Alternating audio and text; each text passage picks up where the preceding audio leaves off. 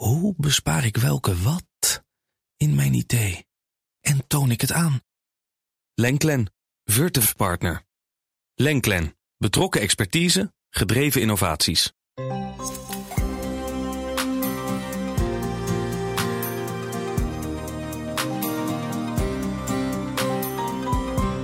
Dit is de Carbon Podcast. Een podcast van Nieuwsbureau Energia en Grenzeloos Journalistieke Producties. Ik ben Tijdo van der Zee. Vandaag gaan we het hebben over het beleid dat er vanuit Europa gemaakt gaat worden om carbon removals een solide basis te geven. Komt er een koppeling met het ETS en worden alle carbon removal technieken straks in dezelfde mate gewaardeerd. Ik heb het erover met Wietse van der Gaast, onderzoeker bij de Joint Implementation Network, en Hans Bolser, consultant bij Trinomics. Straks ook aan het einde van de uitzending Chris Guth, marktkenner bij Engie, met de CO2-prijs in het ETS. En we beginnen weer met Jos Kozijnse, met wie ik puntsgewijs enkele beleidsopties bespreek. Dag Jos, leuk dat je er weer bij bent. Yes. Uh, wij gaan het vandaag hebben over uh, ja, de vrijwillige markten, de carbon removal markten en hoe die eigenlijk te koppelen aan het ETS. Ik spreek daar straks uh, Hans Bolser uh, en Wietse van der Gaast over, uitgebreider. Maar jij hebt daar eerder in een column van een paar jaar geleden toch ook al wel het nodige over gezegd.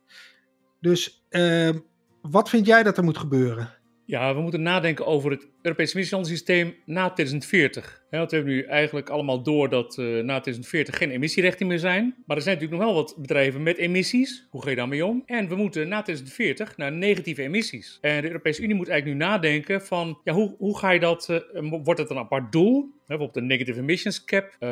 Wie ga je dan vragen die carbon credits in te kopen? Want de bedrijven zitten toch op nul? Hoe zit dat dan precies? Dus dat zijn vragen waar de Europese Commissie nu over gaat nadenken. En daar heb ik al wat idee over. Negatieve emissiecap na 2040. Dus we moeten negatieve credits binnenhalen. Removals, uh, direct air capture, die moet je inkopen om negatieve emissies over te houden. Kijk, nu worden de emissies beprijsd. Hè? En dan kom je uit op klimaatneutraal. Maar vanaf 2040 moeten bedrijven eigenlijk positieve impact maken. En mijn idee zou je dus afhankelijk van het energieverbruik bijvoorbeeld, of afhankelijk van het verbruik van de biogene C'tjes, de carbon, bedrijven kunnen vragen: je moet gewoon negatieve emissiecredits inkopen of investeren. En dan kom je negatief uit. Als een soort deal om te mogen produceren. Dus ja, positieve impact achterlaten. Nou, dat, dat kan je bedenken, maar nou moet je dat nog construeren. Maar dat zou wel een, een idee zijn om dan de bedrijven die in Europa toch al actief zijn, die moeten ondernemen, nou, die moeten positieve impact maken. Nou, dat kan dus door te zorgen dat de Europese Unie steeds meer negatief uitkomt in de emissies. Ja, en ga je dat dan langzaam infaceren? Ja, want je moet al wel voor 2040 uh, ja, langzaam beginnen om die negatieve emissiecredits te koppelen. Om liquiditeit te uh, laten groeien, maar ook om ervaring op te doen. Kijk, je weet het liefst ben ik voor full flexibility, hè, full fungibility. Een ton is een ton.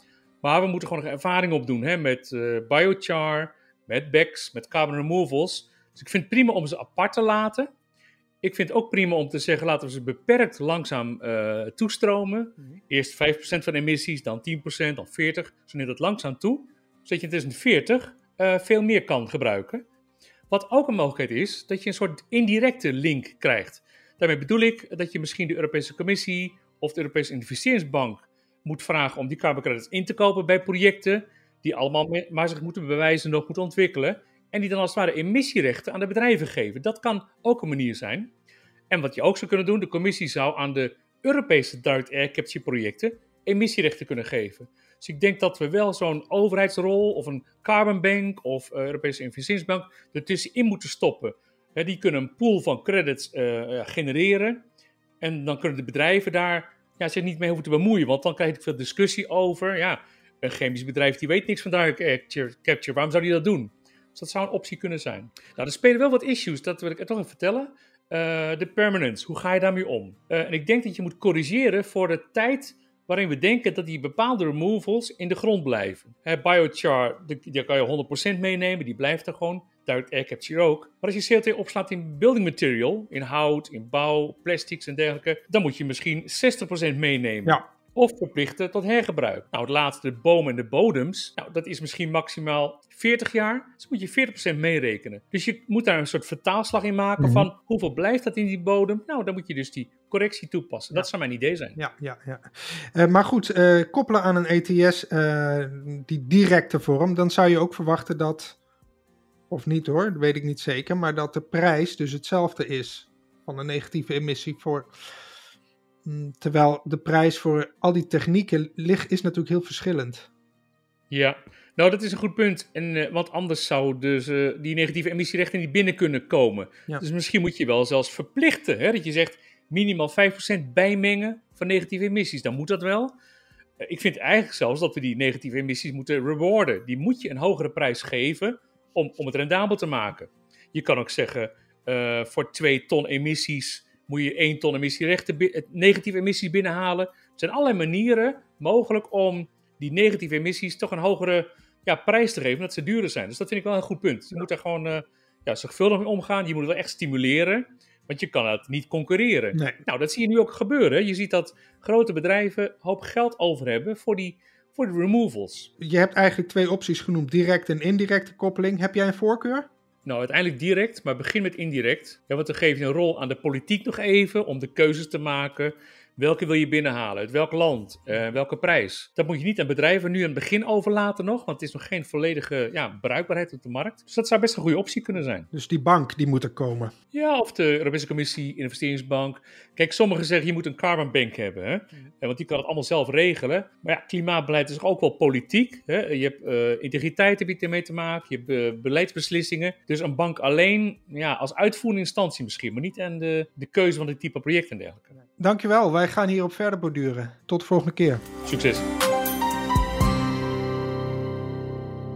Wietse, fijn dat we hier terecht kunnen in het Hoge Noorden. Bij een werkgever van jou, de Hans Hogeschool. Eh, Hans, eh Bolsje, jij doet eh, mee van afstand. Goed om je erbij te hebben. Hans, wat vind jij nou eh, wat vind jij merkwaardig of opvallend aan eh, het idee van Jos? Een van zijn ideeën die mij opviel, was dat hij zegt van ja, dan moeten bedrijven, nadat ze zichzelf eerst, onder andere middels het ETS, helemaal tot, tot nul gereduceerd zijn, eh, en dus klimaatneutraal opereren, dat is niet genoeg. Je license to operate moet je ook bijdragen aan negatieve emissies. Dus dan gaat die bedrijven eh, verplichten tot het kopen van negatieve emissies. Dat is eigenlijk de kern van zijn verhaal. Ja, En dat, dat vond ik een eh, interessante gedachtegang voor de toekomst, maar nog wel best wel ver weg. ja. Is dat, eh, maar is dat dan radicaal?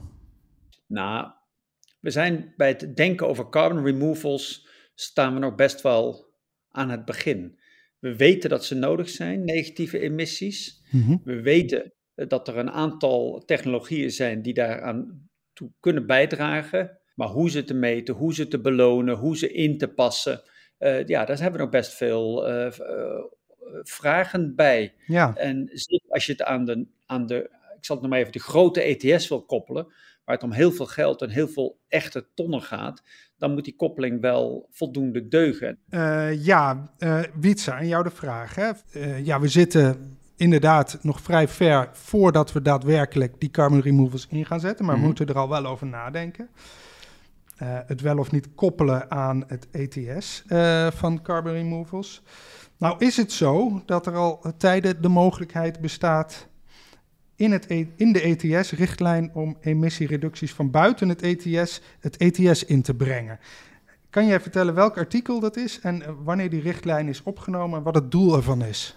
Ja, nou, dat is het zogenaamde artikel 24a. Dat is een, eh, een, een, een artikel dat, ehm, dat formuleert dat als eh, dat ETS-installaties ehm, hun quota, dus die ze jaarlijks krijgen aan emissierechten, kunnen verhogen met ehm, emissiereducties op basis van projecten die buiten het ETS worden, worden uitgevoerd.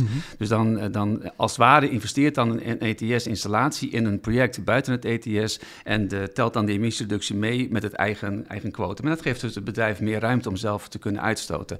Dat was opgenomen in de, in de richtlijn die 2008-2009 door het Europees Parlement en, en, de, en de Europese Raad is aangenomen.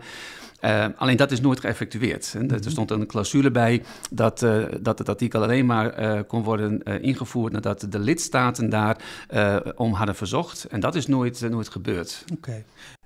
Nou lees ik wel rapporten, nee, ik moet heel eerlijk zeggen, een rapport, mm -hmm. waarin het inzetten van dat artikel 24a, dat dat wel een wankele juridische basis heeft. Ja. ben jij op de hoogte van die, ja, van die twijfel? Nou, het, het, het, is, het, is een, het is een heel, heel, heel, heel uh, karig geschreven artikel. Er staat eigenlijk heel weinig in. Dus de regels uh, op, op, grond waarvan je zo'n zo'n link, zo'n zo, zo'n koppeling zou moeten aanbrengen, uh, staan er niet. Dat, dat moet allemaal verder natuurlijk uitgewerkt worden. Dus zo simpel van nou, als lidstaten zeggen koppel maar, dan gaan we koppelen. Dat gaat niet zo makkelijk gebeuren. En, en dus nee, dat, dat zal echt een hele, hele nieuwe discussie, hele nieuwe politieke besluitvorming vereisen. Ja, Hans, wil jij daar iets over zeggen? Nou ja, ik was toen dat tijd directeur klimaat, dus ik heb deze onderhandelingen in Brussel meegemaakt. En uh, er was natuurlijk een reden voor waarom we een. Directeur een deel, klimaat bij, even voor de luisteraars. Bij Vrom was dat toen de tijd. dus dat heette toen Vrom. En ja, daar zaten toen uh, de, de verantwoordelijkheid voor klimaat. En tijdens die onderhandelingen, we kwamen uit een tijd waar we ook de, de CDI's en de joint implementation hadden. Dus er was best een grote groep mensen die vonden dat we uh, slimmer bezig zouden zijn als we goedkope reducties in het buitenland, die even goed voor het klimaat waren, maar veel goedkoper waren, zouden doen. Het denken over wil ik de emissies eventueel buiten Europa halen, vind ik overigens wel weggezakt. Dat is wel een belangrijk element. Want als het ergens anders goedkoper kan en het is even goed voor het klimaat, moet je daarover blijven nadenken of en hoe je dat kunt incorporeren. Ook in het geval van uh, zometeen bij carbon removals. Ja, Nee, want in, want in, het, in de tijd uh, van het Kyoto-protocol, want over die tijd heb je het, hè, dan met het CDM, Joint Implementation, dus dat industrielanden, onder Europese lidstaten, konden dan deel, een deel van hun inspanningsverplichtingen vervullen door te investeren in projecten buiten Europa, vooral in ontwikkelingslanden. Mhm. En dat was gewoon veel, veel goedkoper. En toen is er ook een speciale uh, richtlijn voorop gezet, de Linking Directive, om in de eerste fase van ETS die koppeling mogelijk te maken. Alleen de artikel 24a gaat vooral over projecten in EU-lidstaten uh, in sectoren die buiten het ETS vallen. En dat is nooit geëffectueerd. Oké, dus dat is heel duidelijk om aan te geven. Het gaat niet om projecten van buiten de EU. Nou, dat is mijn indruk van, uh, van, de, van, van de, de, de discussie, uh, dat het inderdaad vooral binnen Europa ja. bedoeld is. ja. ja. Maar goed, maar, ja. Uh, uh, het is nooit geëffectueerd. Maar het zou een haakje kunnen zijn om daarmee uh, de boel te koppelen, eventueel. Ja, ja en ik denk, ik denk ook, en dan kom je natuurlijk op, op, de discussie van die, die, die Jos aan, aanswingelt. kijk, uiteindelijk in 2050 willen we een per saldo gedecarboniseerde economie hebben. Dus dat, dat, er, dat er per saldo netto, of netto nul emissies zijn. Um, maar dat zal niet betekenen dat er helemaal geen emissies meer zijn. Er zullen in de industriële sectoren en andere sectoren nog steeds emissies zijn. Um, en dus heb je negatieve emissies nodig. En dat doe je onder andere door carbon removal. En iemand moet daarvoor uh, voor betalen. En dan is de denk, politieke vraag: uh, laten we dat dan aan de belastingbetaler over? Of, of betaalt de vervuiler dat? Mm -hmm. En als je het koppelt aan het ETS, dus dat, dat uh, wat Jos zegt, de, de, de ETS-partijen die nog steeds emissies hebben, dat die dan ook betalen voor de negatieve emissies ergens anders, ja, dan betaalt de vervuiler. En op zichzelf is dat politiek, daar valt wel iets iets voor te zeggen. Ja, ja maar dat is niet wat ik Jos hoorde zeggen.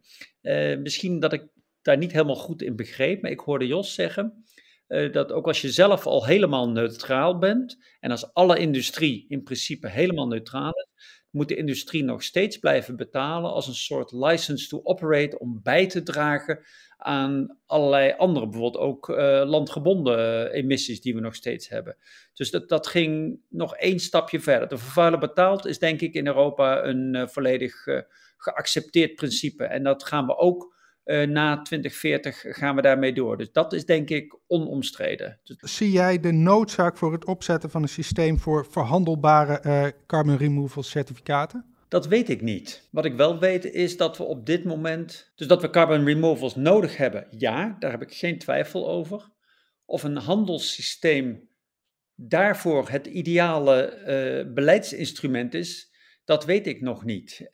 Op dit moment zie ik wel dat we daar keihard heen denderen.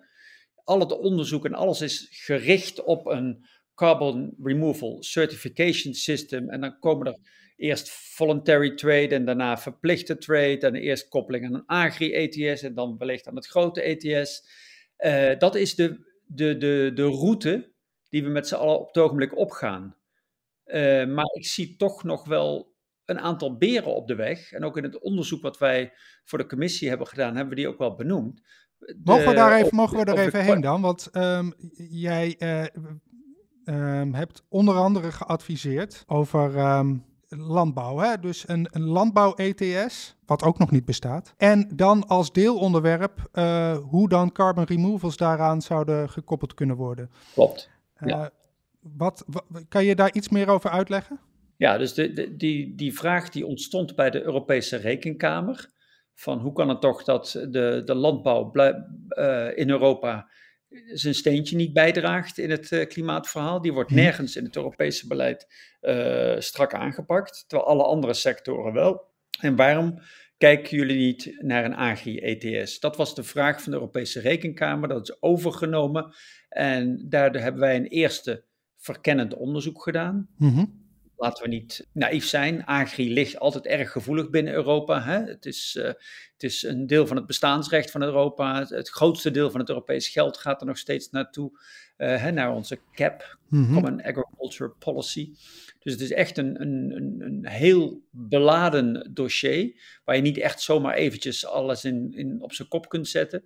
Maar dat, wij hebben wel een eerste verkenning gedaan naar de mogelijkheden die er zouden zijn voor een agri-ETS, wat voor een systeem, doe je dat upstream, doe je dat downstream, doe je dat bij de, bij de boeren zelf. En daar hebben wij een aantal voor- en nadelen. Dat was het task 1. Als ik zeg wij, dan is dat uh, vanuit uh, Trinomics uh, uit, uit Rotterdam. En task 2 was dan de vraag van ja, kun je dit dan ook koppelen aan carbon removals? Ja. Kun je dan kijken of je een boer die een probleem heeft met emissions, of die dan wat en, dat, en daar kosten voor moet maken, of die dat kan compenseren door removals, waardoor het een beetje een carrot en een stick wordt. Hoe zien jullie dat? Is dit koppelen? Wat is jullie advies daarover? Nou, wij hebben een technische analyse gedaan met de voor- en nadelen. Uh, dus ik ga nou even mijn persoonlijke uh, mening uh, geven. Mm-hmm. dat er best wel nogal wat hobbels zijn. En een van, een van de hobbels die er is, is dat uh, de partijen die heel geschikt zijn voor carbon removals niet dezelfde zijn als de, uh, bijvoorbeeld de bosbouw.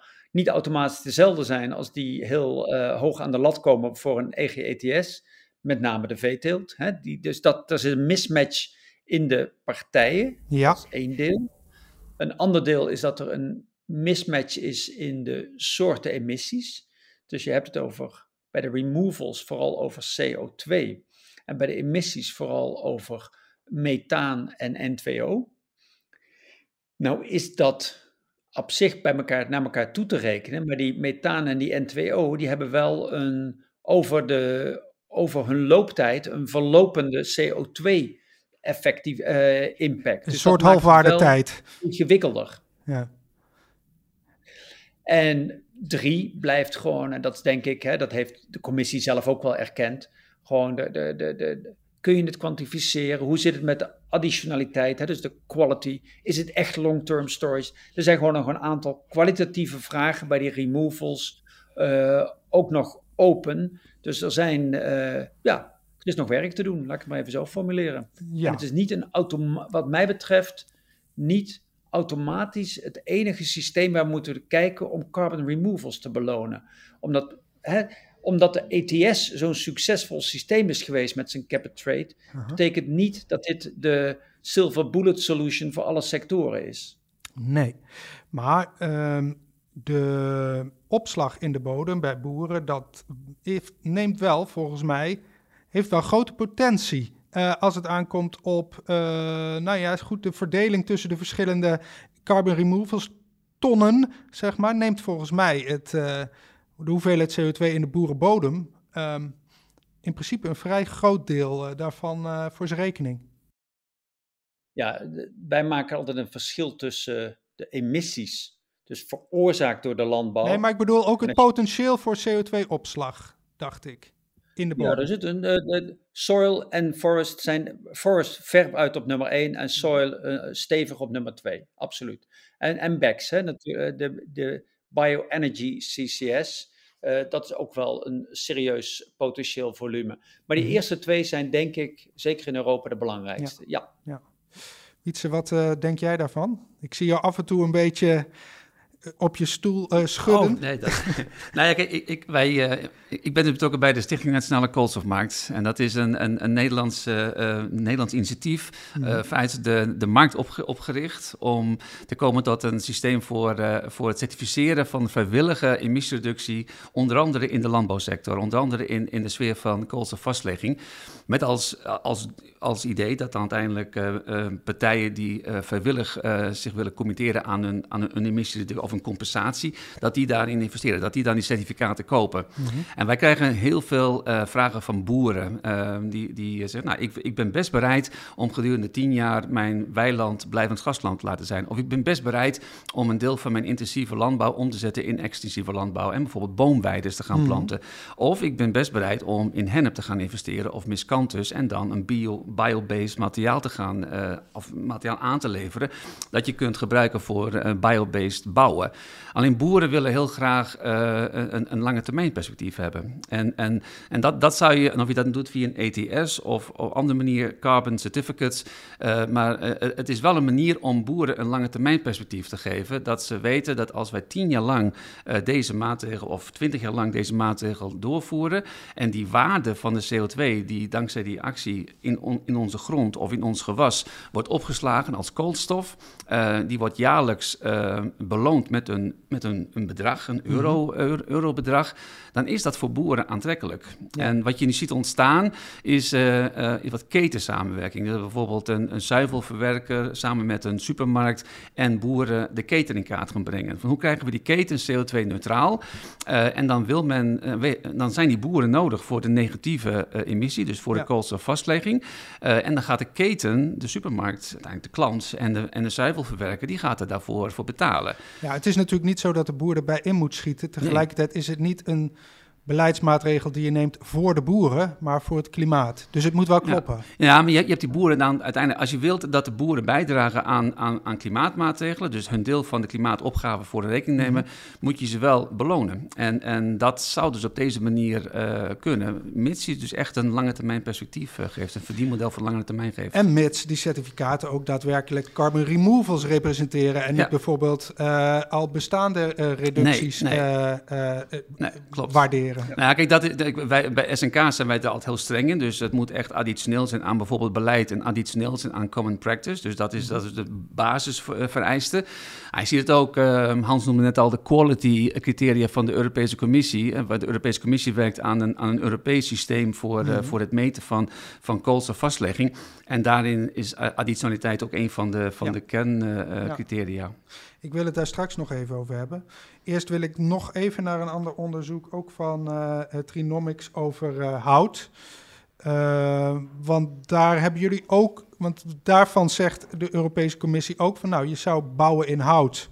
Of misschien biobased, maar hout. ook kunnen waarderen, wat jij al zegt, Wietse. Nou ja, Hans, wat is daar, wat is daar de basis van jullie advies? Ja, daar is de uitkomst uh, wel wat scherper geweest. A, het beleid zelf hadden we aarzelingen bij. En B, het, het omzetten naar certificaties hadden we aarzelingen bij. Ik zal het uitleggen. Mm In heel Europa wordt er ongeveer 4% hout gebouwd, gebruikt in de bouw. De, de rest is uh, staal en steen, om maar heel uh, slap te zeggen. En als je die, die 4% is wat we nu hebben, inclusief landen als Oostenrijk en, uh, uh, en Zweden, waar heel veel in hout gebouwd wordt. Mensen schrikken ervan als ze dat horen, maar dat echt zo laag is dat dus. En als je dat gaat verhogen, nou laat je dat even gaan verhogen naar 6%, dan doe je natuurlijk nog niet zo heel veel, maar dan moet er dus 50% meer hout uit de bossen komen.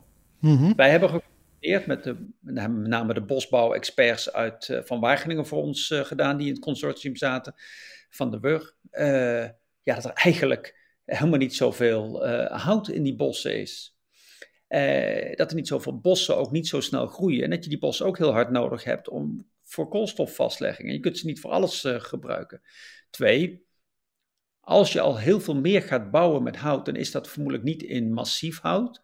Dus wat balk, zoals je die kent, hè, die mhm. mooie blokhutten uit Oostenrijk en, uh, en Zweden. Nee, dan is dat in cross-laminated timber. Gelijmd, dunne gelijmde lagen. Nou, die CO2-footprint van die cross-laminated timber, dat hebben we via een uitgebreide LCA uh, eh, bekeken. Die was wel iets, maar helemaal niet schokkend veel beter dan cement en staal. En terwijl bij cement en staal de emissies nu snel naar beneden gaan door het ETS, uh, is dat bij hun veel moeilijker. Want ze moeten lijmen, ze moeten, dat moet gebakken worden. Dat is, er moet heel veel gezaagd en verzaagd en geslepen worden. Nou, dus aan de, zowel aan de principiële kant hadden mhm. we echt eh, vraagtekens, als ook aan de, uh, de meer uh, praktische kant van hoe krijg je het georganiseerd bij al die zagerijen, houtzaagverlies, et cetera. Maar persoonlijk, dan ga ik weer even een mening geven, denk ik dus dat je met dat, ja, het is heel sympathiek bouwen in hout, mhm. maar daar lossen we het klimaatprobleem niet mee op. Wietse, eens? Nou, het, gaat, dus, uh, het gaat nu heel, heel erg over hout. Ik, ik, ik, ik, ben, ik ben geen houtdeskundige, dat, maar ik kijk dus gewoon naar onze eigen praktijk bij, ehm, bij SNK, dus bij de Nationale Koolstofmarkt. En daar zie ik vooral um, veel belangstelling voor hennep en, en miscanthus. Dus van de, van de gewassen, ook bijvoorbeeld simpel, eenvoudigweg bermgras. Um, dat, dat wordt nu gewoon vaak als biomassa ergens, ergens, ergens weggegooid, in ieder geval niet nuttig benut. daar kun je dus verkeersborden van maken. En, en op een andere manier nuttig, eh, nuttig besteden. En hennep kun je gebruiken om, om, eh, om isolatiemateriaal van te maken. En dat vervangt conventionele, zeer vervuilende isolatiematerialen.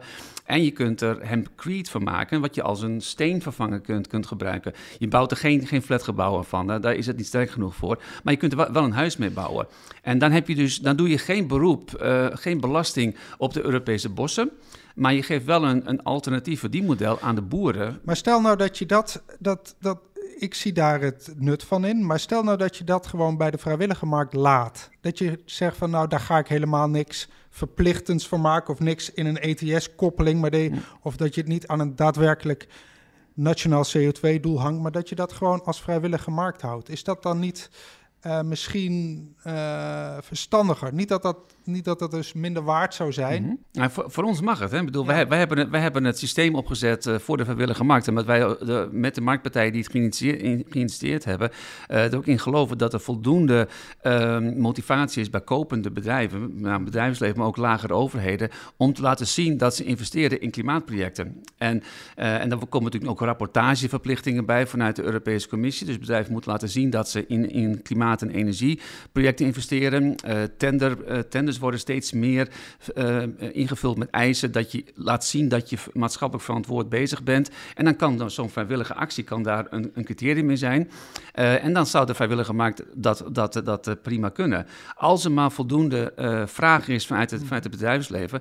En dat, die vraag is er op zich wel, alleen je hebt volumes nodig. Dus willen er echte grote bedrijven die niet onder het ETS vallen, bijvoorbeeld de luchtvaartmaatschappij, die met grote volumes werkt, geïnteresseerd raken in de vrijwillige markt, in Nederland, dan moet je volumes hebben. En, dat, dat, en daar heb je een ketenaanpak voor nodig. En als dat goed geregeld kan worden, ja, dan kan de vrijwillige markt dat op zich uh, voor een heel groot gedeelte prima oppakken. Mm -hmm. Ja. ja. Dat, dat steun ik ook. Ik, ben daar, ik sta er ook heel sympathiek tegenover. Ik heb, ik heb zelf ook, ook uh, tien jaar lang was ik directeur van Max Havelaar. Vrijwillige certificatie om een goed doel te bereiken. Dat is goed voor een aantal procenten van de markt. Uh, daarmee los je niet alles op. En er zullen altijd partijen blijven die daar anders in zitten. Dus ik vind het heel sympathiek en ik steun dit ook. En ook het feit dat er een, een nieuw verdienmodel gecreëerd wordt, vind ik fantastisch. Hè? Toen, toen wij in Brussel onze agri-ETS en carbon removals presenteerden, waren er heel veel boerenorganisaties. Nou, dat zijn best uh, gestaalde kaders, uh, mag ik wel zeggen. Die doen dat heel goed. Maar we waren het al vrij snel allemaal met elkaar eens dat voldoende verdienpotentieel voor de boeren, onder welk regime dan ook, cruciaal is en altijd overeind moet blijven. De vraag is of ze eigenlijk niet gewoon voldoende moeten krijgen voor hun graan en voor hun vlees. En eh, in plaats van uh, allerlei noodsprongen naar, in, de, in de vrijwillige markt. Want de kern van het probleem is dat wij als consumenten te weinig betalen via de supermarkten. En, en dat werd daar toch wel omarmd, dat iedereen zei van ja, uh, ook de supermarktorganisaties daar zijn, die zeiden van ja, hartstikke leuk, maar dit is wel aan de marge. Dit gaat niet over het bestaansrecht van de boeren in Europa. Dus je moet. Maar van de andere kant, als je bijvoorbeeld naar de CAP kijkt, hè, de Common Agriculture Policy, waarin de boeren inkomenssteun krijgen. Het gemeenschappelijk nou ja, landbouwbeleid, ja. Sorry. Nee, ik zeg het even in het Nederlands. Het gemeenschappelijk landbouwbeleid in Europa. Ja, ja sorry, ik uh, zit erg in het uh, Europees jargon. Uh, dus het gemeenschappelijk landbouwbeleid, waar heel veel en belangrijke inkomenssteun aan de boeren wordt gegenereerd. Ja, dat zou je natuurlijk wel kunnen gebruiken om bepaalde soorten landbouw meer en andere soorten minder te stimuleren. En daar zit echt wel veel meer ruimte dan nu politiek haalbaar is. Laat ik het maar even netjes zo formuleren. Daar kan meer. Ja, en ik, en ik, denk ook dat het daarbij uh, belangrijk is dat, dat, we, dat partijen goede afspraken maken in, in de keten. Want de, de, de, de, de vastlegging van de koolstof vindt plaats in het gewas, dus bij, bij, bij de boer. Vervolgens uh, uh, vindt de, de, continuering van die vastlegging plaats bij de verwerker en, en het bouwbedrijf.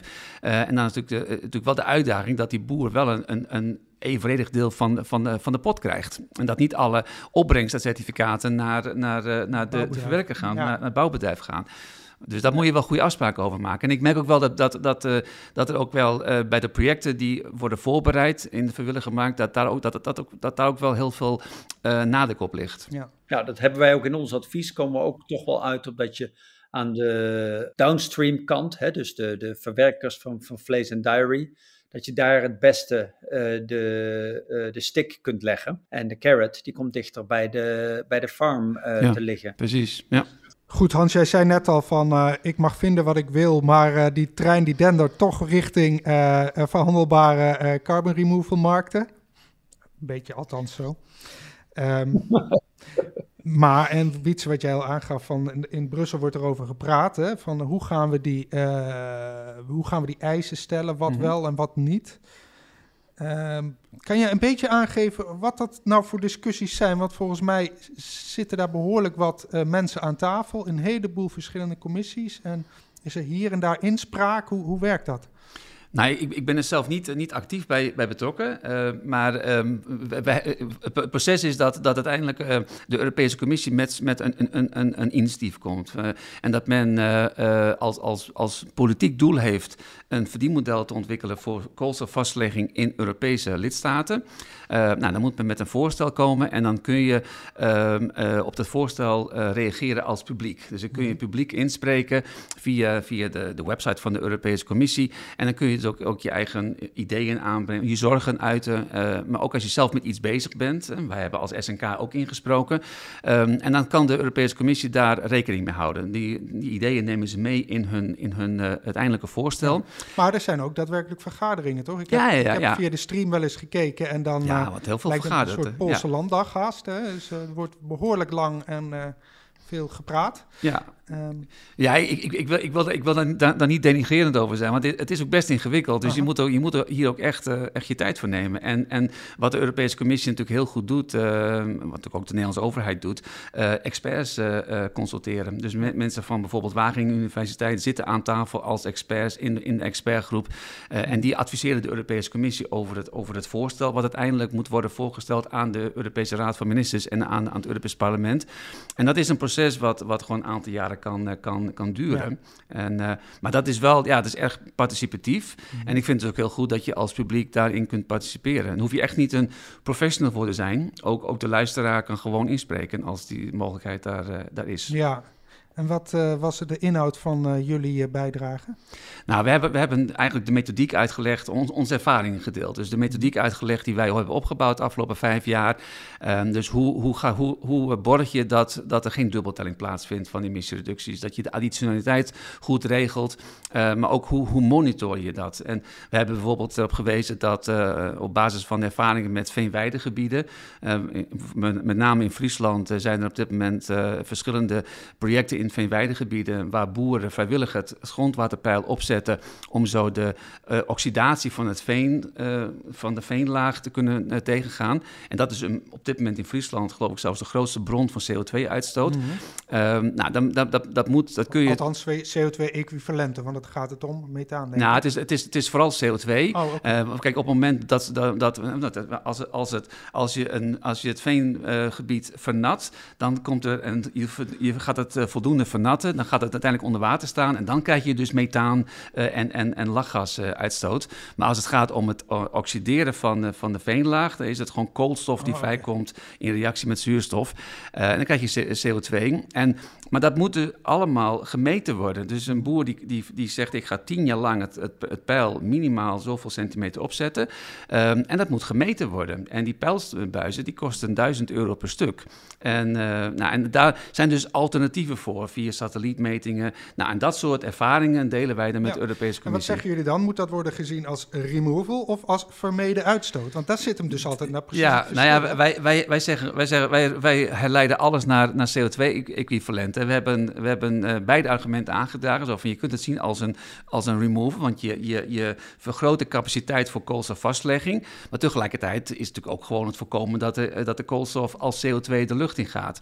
De Europese Commissie, en ook, uh, dat is ook het standpunt van het ministerie van Landbouw in Nederland, uh, dus, dus LNV, dat het in de categorie van removal valt. Okay. Dus als een negatieve emissie. Ja. Ik weet niet of dat echt al het standpunt is hoor. In ieder geval hebben wij anders geadviseerd. En ik dacht niet dat hier al een standpunt over was ingenomen. Uh, maar dit, is wel, dit zijn wel de hete hangijzers die, die wel uitmaken. Maar ik vind het heel interessant wat jij zegt, Wietse, in het begin. Hè? Dat de commissie moet komen met een idee over een verdienmodel voor koolstofvastlegging in lidstaten. Ik denk het niet. Ik denk dat de commissie moet komen met een idee hoe ze koolstofvastlegging in lidstaten gaan realiseren. En dat kan via een verdienmodel. kan ook via uh, verplichtende wetgeving over bosareaal. En hè, we kunnen een heleboel dingen doen zonder uh, het via een verdienmodel te laten lopen. Als het kan via een verdienmodel, prima. Ik ben, ik ben er niet op tegen. Maar dan komen wel al die, uh, dan komen wel al die uh, die dingen om de hoek kijken over, over meetbaarheid en, uh, en ook het systeem, de kosten van het systeem in verhouding tot de nou, opbrengst. Ja, Daar moet je dan wel. Dat, dat, dat is inderdaad waar. Kijk, wat, wat, wat natuurlijk uiteindelijk de, de, de bedoeling van zo'n van zo'n certificatensysteem is, is om een verdienmodel uh, te krijgen. en het risico is dat er dan met een vrijwillige markt een wildgroei aan, aan certificaatuitgevers zijn. en dat je uiteindelijk als koper niet meer weet op, op, wie je moet, moet vertrouwen. En wat de Europese Commissie, zo, zo zoals ik het heb begrepen, uh, heeft uh, probeert te doen, is om in ieder geval tot een, een, een, uniforme standaard te komen. Van nou, dit is in ieder geval zoals wij betrouwbaar uh, achten hoe je CO2 of koolstofvastlegging vaststelt, hoe, hoe, hoe je het meet en hoe je het uiteindelijk ook beschikbaar stelt voor, voor een markt. En, en, en dat, dat, dat is dan uiteindelijk natuurlijk als indirect voordeel dat het dan het verdienmodel van de, van de projectontwikkelaar verdien, uh, verbetert. Maar het is, dat is, ben ik met je eens, dat is niet de ultieme, uh, het, de ultieme taak van de commissie. Die moet gewoon zorgen dat er, dat er voor dit type project een, een goede meetstandaard wordt opgezet in Europa. Eens, eens, eens. Maar is het nou dan mogelijk dat er dan straks, omdat nu worden dus op voorhand een aantal technieken genoemd. Uh, is het mogelijk dan dat een, toch een aantal van de technieken af gaan vallen straks? Of um, is het meer waarschijnlijk dat alle technieken die aan het begin van het traject genoemd zijn, uh, straks ook de eindstreep halen? Als het aankomt op removals. Nou, wij hebben in ons onderzoek in ieder geval aangegeven dat uh, wij hebben, er zijn veel meer, ik geloof dat er iets van 21 removal technologieën geïdentificeerd zijn. Daar hebben we van zes gezegd, die zijn serieus. En van die zes hebben we gezegd, er zijn er uh, twee, drie die uh, redelijk goed uh, scoren. En zijn er een aantal waar wij toch wel minder nog van weten. Want bijvoorbeeld, je noemde biochar in het begin daar weten we nog niet zoveel van, hoe dat in de ondergrond uh, gaat met die, uh, met die vastlegging van die CO2. Want in de biochar-beweging, een van de argumenten daarvan is altijd ook dat het goed is voor de vruchtbaarheid van de bodem. Nou, als dat zo is, dan komt die CO2 dus weer vrij. Dan -hmm. is het, het is teen of tander. En uh, dus daar, zit, daar, daar hebben we gewoon nog echt veel vragen over. Het is een heel sympathiek idee, met name ook omdat je er in, in, in Afrika heel veel mee zou kunnen. Maar het, het, heeft nog wel wat haken en ogen die we echt, waarvan we zeggen, die zijn nog niet zo ver goed, in 2040 moet zo'n systeem in ieder geval up en running uh, zijn, zeg maar. Uh, dat is dus nog 26 jaar en nog een beetje. Uh, 16, 16, jaar en nog een beetje. eerder wordt het waarschijnlijk al een beetje ingefaseerd. Um, ja, zijn we ruim op tijd hier met dit, met dit nadenken hierover? Of um, is het nog al, alsnog wel een race tegen de klok?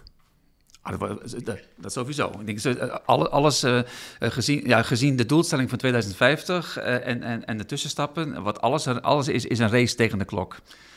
Maar het, het gaat om, om, de om de bereidheid van de, van de samenleving uh, om, om, om hard te rennen. Mm -hmm. dat, dat, dat is de vraag. Ja. Of, of we die bereidheid hebben. Ik herken die 2040 niet. kijk, Jos noemde die in het kader van de ETS. Maar je kunt prima al eerder beginnen. Volgens mij wil de commissie ook echt al in 2030 uh, eh, of eerder zelfs al dingen up and running hebben.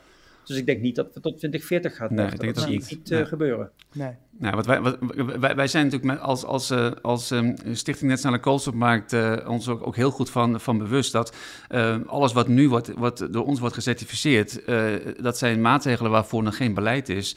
Ehm, maar we, we, snappen ook dat er, en we, we, verwachten ook dat er gewoon steeds meer beleid bij komt. En dat maatregelen waarvoor we nu certificaten geven, dat die over tien jaar niet meer, niet meer certificeerbaar zijn, omdat ze al door, door, door beleid worden overgenomen. En dat is op zich ook logisch. En dan, dan gebeurt het gewoon via, via beleid. En wellicht zou het kunnen dat, dat, dat de overheid zegt: Goh, dit werkt zo goed met die, met die uh, vrijwillige certificaten, met een Europees systeem voor carbon removal. En, en, en er is vertrouwen in de markt en, en, en er wordt, wordt, wordt een goede prijs voor, voor betaald. Hier hoeven wij geen belastinggeld eh, aan, aan te besteden. Dat zou natuurlijk helemaal mooi zijn. Maar het is een, het is een continu dynamisch proces mm. waar we mee te maken hebben.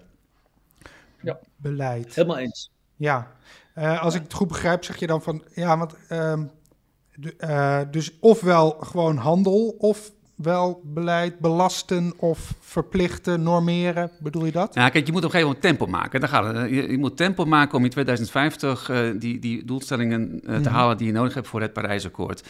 En, en, en, uh, en soms kan de markt gewoon niet genoeg tempo maken. Omdat, om, omdat het, ja, dan gaat het over ondernemers die bereid zijn hun nek uit te steken. en dat zijn natuurlijk niet zoveel, niet genoeg mm. om, om, om, dat, om dat doel te halen. Dus dan moet je als overheid bijschakelen. Nee, maar dan zou je kunnen zeggen, we gaan een verplicht carbon removal uh, uh, handelssysteem bouwen. Ja. Dat is een verplicht handelssysteem. Maar je kan ook zeggen, we slaan dat hele handelssysteem over en we gaan uh, gewoon zeggen, we, we willen gewoon dan en dan zoveel. Hè, dat je gewoon gaat normeren. Nou ja, kijk, er zijn een heleboel dingen die gewoon niet mogen. In, in, de landbouw niet, in het verkeer niet, in de gezondheidszorg niet. Bij normeren, het GOS hebben we altijd genormeerd. Hè? Dat is wetgeving van oorsprong vooral. Ja. En er lijkt wel, zowel in Nederland als in Europa, een beetje een soort afkeer te zijn om duidelijk te zeggen: dit mag wel en dit mag niet. Daarmee kun je natuurlijk heel veel en heel makkelijk en heel efficiënt uh, sturen. En ik denk dus dat uh, vrijwillige markten, die, die geven een heel sterk signaal aan de voorkant over wat kan en wat haalbaar is. Uh, maar sommigen halen het wel, sommigen niet. Kijk naar de groene elektriciteitscertificaten. Dat begon als een leuk idee en dat hebben we toch met z'n allen langzamerhand een beetje afgeschoten van ja, dit, dit, dit levert te weinig op. En ik ben het weer helemaal met Wietse eens. We hebben zo'n ontzettende haast. We moeten alles proberen, maar we moeten dat waarvan we weten dat het werkt en dat het tonnen oplevert, dat moeten we zo, zo hard mogelijk neerzetten. Dat daar geen, daar hebben we geen tijd te verliezen om die opties ook daadwerkelijk uit te rollen. En dan is, vind ik dus een vrijwillige markt aan de voorkant ongelooflijk goed om iets in beweging te zetten.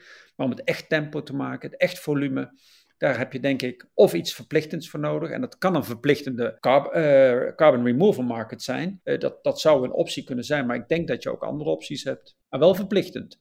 Uh, je hoeft niet alles via markten te organiseren. als een bepaalde fabriek een bepaalde stof niet mag uitstoten, dan kun je dat normeren. We hebben bijvoorbeeld in Nederland de discussie gehad, nadat de, de CO2-markt was begonnen, of we ook een NOx-markt moesten invoeren. dat hadden ze bijvoorbeeld in uh, Amerika wel gedaan. Nou, dat hebben we een beetje geprobeerd, een beetje aan getest. En dat bleek toch gewoon niet voldoende. Dat konden we veel goedkoper en veel effectiever konden we dat normeren, die NOx-uitstoot. Dat hebben we toen gedaan. Dus je hebt, je hebt, eh, markt is één beleidskeuze. Het is niet het alfa en omega van alle beleidsopties. En het is ook niet altijd efficiënter een markt. dat is, een markt heeft voor- en nadelen, hangt van de schaal af, van de, en van de diversiteit, van de, van de controleerbaarheid. Maar ja, we zijn zo happy met het ETS, hè? Ja, maar, ja, maar, Doet het zo goed? ja, maar de ETS is natuurlijk wel een overheidsinterventie. dat de overheid op een gegeven moment heeft gezegd: eh, je mag maar zoveel CO2 per jaar uitstoten. En dan laat je de markt vervolgens het werk doen. Dus het is natuurlijk wel echt een overheidsinterventie geweest. En bij de vrijwillige markt heeft de overheid in beginsel geen rol. En dat, dat is het grote verschil. En, maar ik moest even, toen, toen ik Hans hoorde, hoorde uitleggen, net, moest ik even denken aan een quote van, van een, een, een, iemand die wij interviewden voor een marktverkenning die wij vorig jaar uitvoerden. En die zei: ja, de, de vrijwillige markt is eigenlijk een soort kraamkamer voor, ehm, voor innovaties. Dus allemaal ondernemers die, die een idee hebben waarvan ze weten: over tien jaar moet ik dit doen. En eigenlijk wil ik het nu al doen, maar het beleid stimuleert mij daar niet in of, of schrijft dat niet aan mij voor. Maar ik wil het toch nu doen. En dan zou dus die vrijwillige markt een mooie versnelling kunnen zijn om zo'n innovatie nu al in de markt te zetten, zodat je ermee kunt experimenteren. Dan kan de innovator, of het innovatieve bedrijf, kan daarmee een voorsprong opbouwen op de concurrentie. En tegen de tijd dat de overheid besluit via een verplichtend systeem of via een subsidie of anderszins, een norm, van dit wordt nu gangbare common practice in, in de markt, gangbare praktijk, dan heeft die innova dat innovatieve bedrijf een voorsprong. Ja. Ja, helemaal eens. Kijk, en je zei net van die ETS. Kijk, die ETS is natuurlijk alleen bij hele grote industriële ondernemingen. En het zijn echt alleen de hele grote. Het zijn er geloof ik in heel Europa iets van 20.000. Eh, daar zitten allemaal goede eh, administraties achter en accountantsbureaus. Dat gaat om enorme vol- volumes.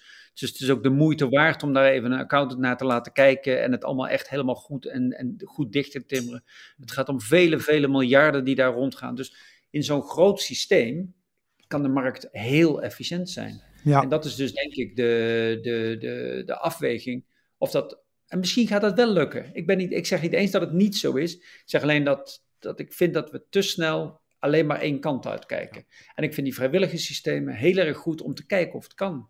Ja, mee eens. Dank jullie wel, daar sluiten we mee af. Wietse van der Gaast en Hans Bolser, dank jullie wel. Graag gedaan, tot je dienst. En dan gaan we tot slot nog naar de actuele CO2-prijzen in het ETS met Chris Guth. Goedendag Chris. Eh, in de vorige aflevering had je gezegd van we zullen zo een beetje richting die 80 naar beneden gaan. Nou, dat is ook gebeurd. Alleen in de laatste week eh, zie je hem toch weer een sprong maken omhoog. Elke dag weer een beetje erbij.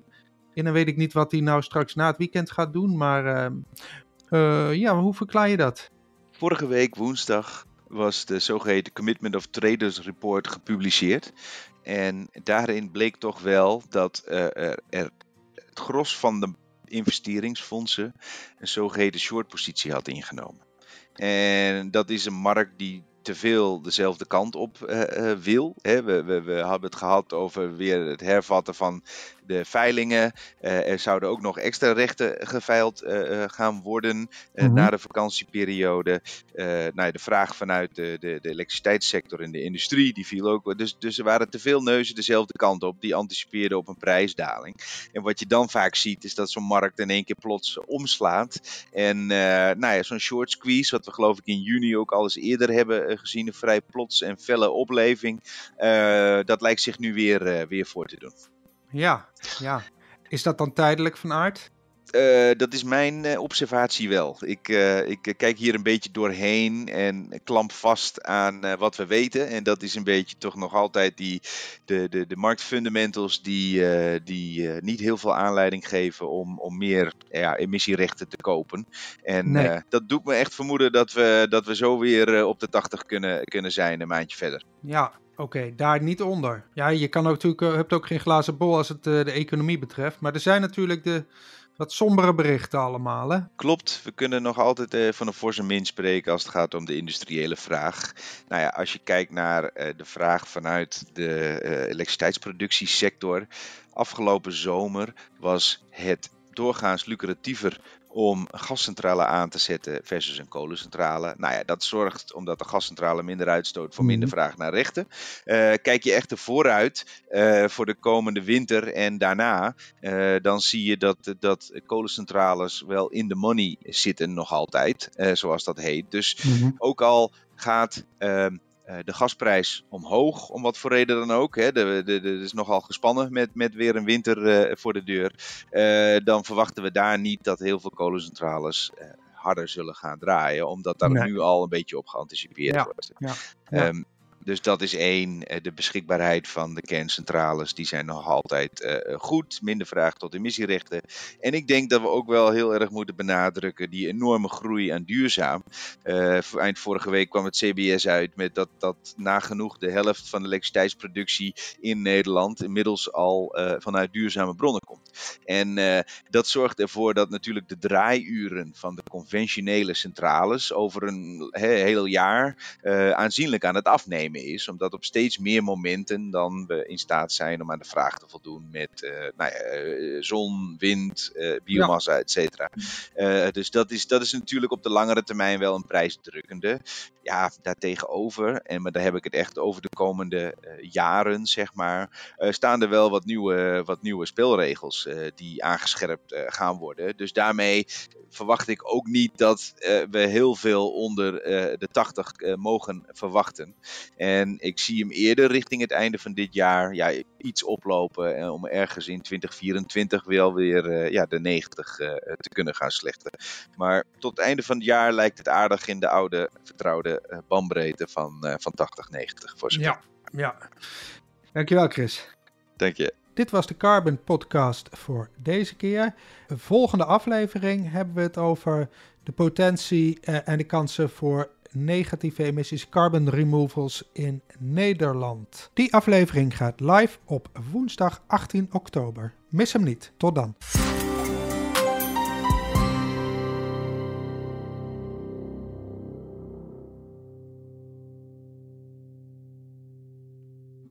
Hoe bespaar ik welke wat in mijn idee? En toon ik het aan? Lenklen, Virtuf Partner. Lenklen, betrokken expertise, gedreven innovaties.